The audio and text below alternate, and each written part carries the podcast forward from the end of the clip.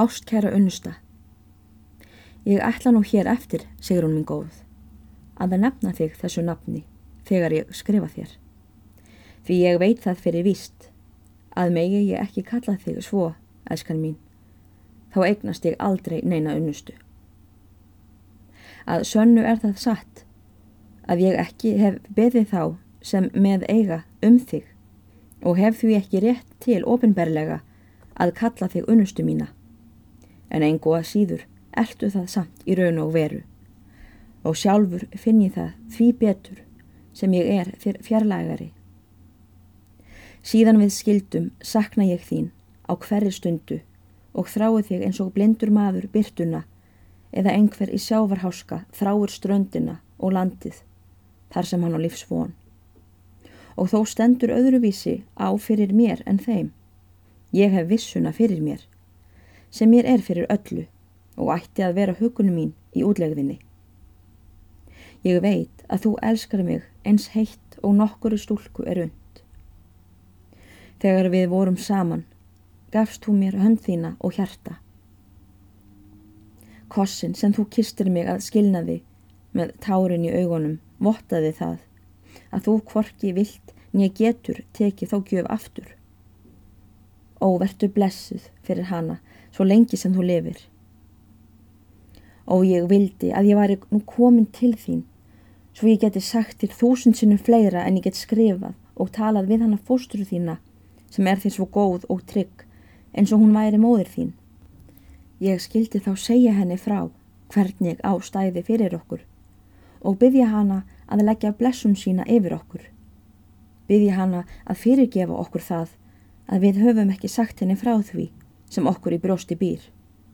Og sannarlega yðrast ég nú þess að ég fann hana ekki og verða að fara bak við hana. Og þess vona ég verði ekki langt að býða, því þér að segja, elskan mín, hefur síslumadurinn sem ég er hjá heitið mér því að ég skuli fá að fara í haust að finna kunningja mína undir eins og hann geti mist mig. Ég er að hlakka til þess og mig er löngu farið að dreyma fyrir því á hverju nóttu hvað indislegt það verður að finna þig og hana sýstur mína.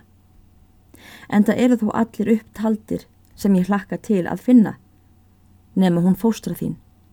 En ég þekki hana því miður svo lítið og samt virði ég hana og elska í huga mínum að því ég veit hvað hún hefur verið þér góð og ástúðuleg.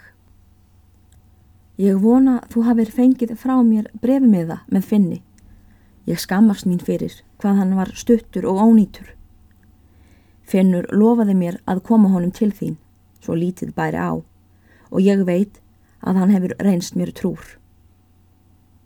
Af mínum högum hér síðra er allt gott að fretta. Allir eru hér góðir og þægilegir við mig og síslumadurinn þó bestur og reyni ég til að koma mér við hann. Ég heyri suma kalla hann harðan og stórbokkarlegan en ekki hef ég að því að segja enn. Við erum nú nýlega komnir heim úr ferð og svo rýðum við nú bráðum til alþingis. Verðum við þá þrýr með honum og fjórði sonur hans sem ekki hefur fyrir riðið til alþingis. Við eigum að hafa tólf eða fjórtón hesta og er einum ætlað að vera hestasveini. Ég á að skrifa það sem hann þarf en hinn þriðji er þjónustusveit þeirra feðgana og á hann vandasamasta ennbættið af okkur öllum.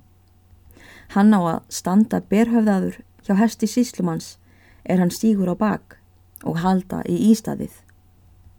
Hann dregur af honum stígvilin á kvöldin og stríkur þau á mornana og brítur fyrir hann sokkana, ber á borð fyrir hann og veitir honum alla þjónustu. Gott higg ég til þessarar ferðar. Á alþingi koma öll stórmenni landsins og margir uppvaksandi menn og höfðingiefni og skólabræður mínir. Þykir mér þar ekkert skorta til fagnadar nema það eitt að ekki hef ég vonum að sjá þig þar. Enda er nú mjög farin að leggjast niður sá síður sem all tíður var á dögum forfæðravora að konur og gjafvaksta megar ríði til þings með frændum sínum og príði svo samkvæmið. Mart skildi ég rita þér að gamni mínu og segja þér frá síðum og heimilisháttum hér síðra ef ég hefði tíma til. En nú verð ég að flýta mér að enda miðan svo ég nái í lestamannin sem á að bera hann áleiðis og verði því að byggja þig að fyrirgefa hvað hann er endaslappur. Ég hef beðið finn að taka við saðli frá þér, elskan mín, því ég vona að þú sendir mér einhver tíma línu. Það þarf ekki að vera langt. Fáinn orð frá þér eru nóg til að hugga mig og ræta af mér ólundina. Lóksins hveð ég þig hér með einni bögu.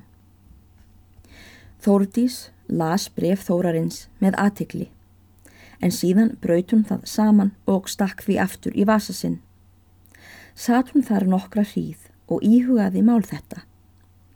Bref þetta var svo ljóst orðað að Þórdís gekk úr öllum skugga um það hvernig á öllu stæði og ekki dætt henni heldur annað í hug en það sem var um það frá hverjum bref þetta væri. Vissi hún og að Sigrún ekki hefði haft kynni af öðru manni með því nafni en þórarni prestsmái.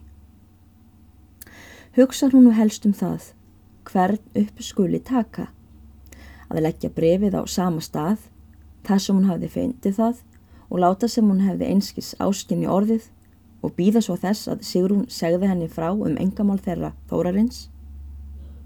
En er hún íhugaði það mál betur, þá virtist henni það ekki ráð. Gæti þá svo vel farið að brefið flæktist og kæmi í hendur fleiri manna, en það vildi hún fyrir hvern mun ekki yrði. Ræður hún það þá af að hún kallar Sigrúnu fram í stofu og þá er Sigrún er þar komin, læsir hún stofunni og tekur svo til máls. Ég held, fóstra mín, að ég hafi orðið svo heppin að finna fyrir þig lítilræðið sem þú varst að leita að í morgun. Síðan tekur hún bref þórarins upp úr vasa sínum og réttir að Sigrúnu.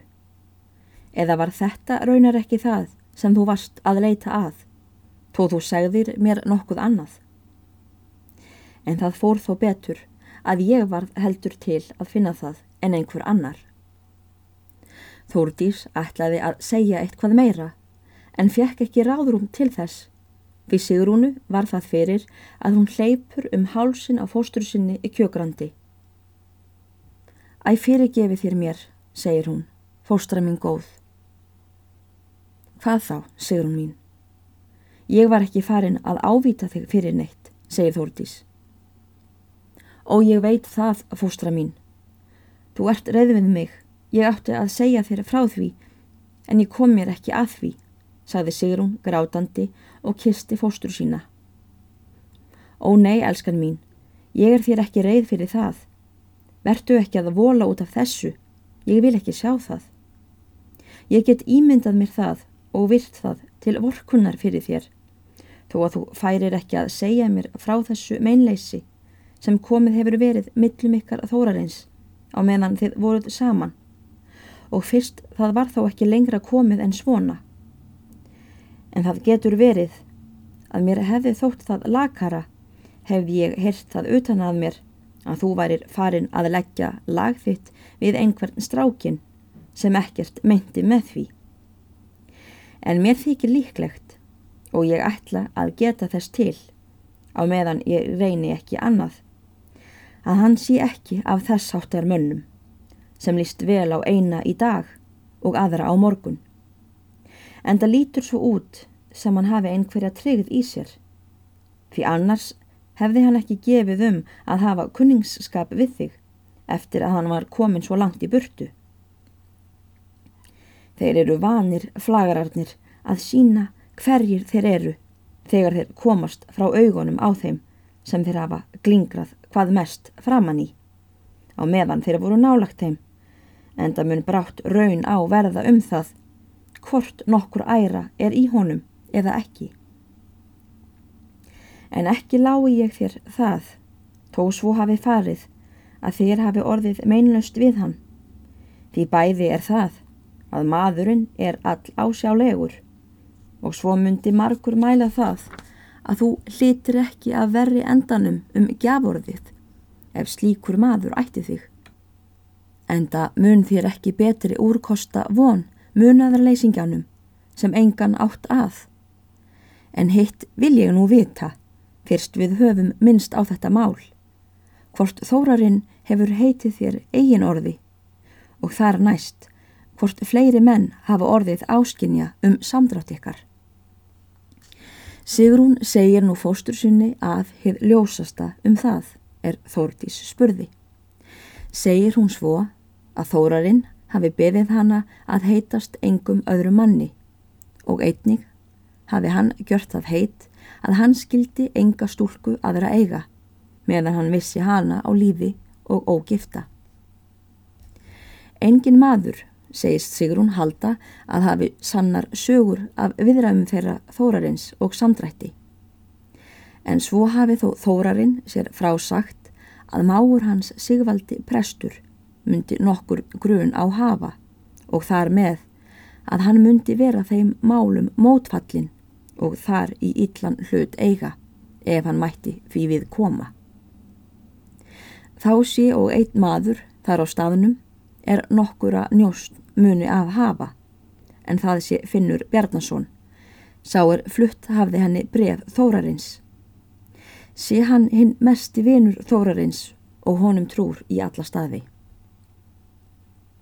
Hugast Sigrún nú brátt er hún heyrir hvernig fóstra hennar tekur þessu máli og tala þar fóstrur nokkra stund um mál þetta og kemur þeim allt vel ásamt tekur Sigrún aftur við brefi Þórarins og segir Þórdís um leið brosandi. Það er nú líklegt, fóstra, að þú geymir það betur eftir en áður. Að öðru leiti held ég væri best meðferðin á þessum ástari brefum að tortíma þeim, þegar búið er að lesa þau. Þau geta slaðist upp úr kislinum og hitt sínist mér hætta að bera þau í barminnum þar sem svo er eldfimt fyrir, því hver veit nær það kann að loga upp í þeim. Sigur hún brosti við og skildu þær fóstrur talið að svo búnu.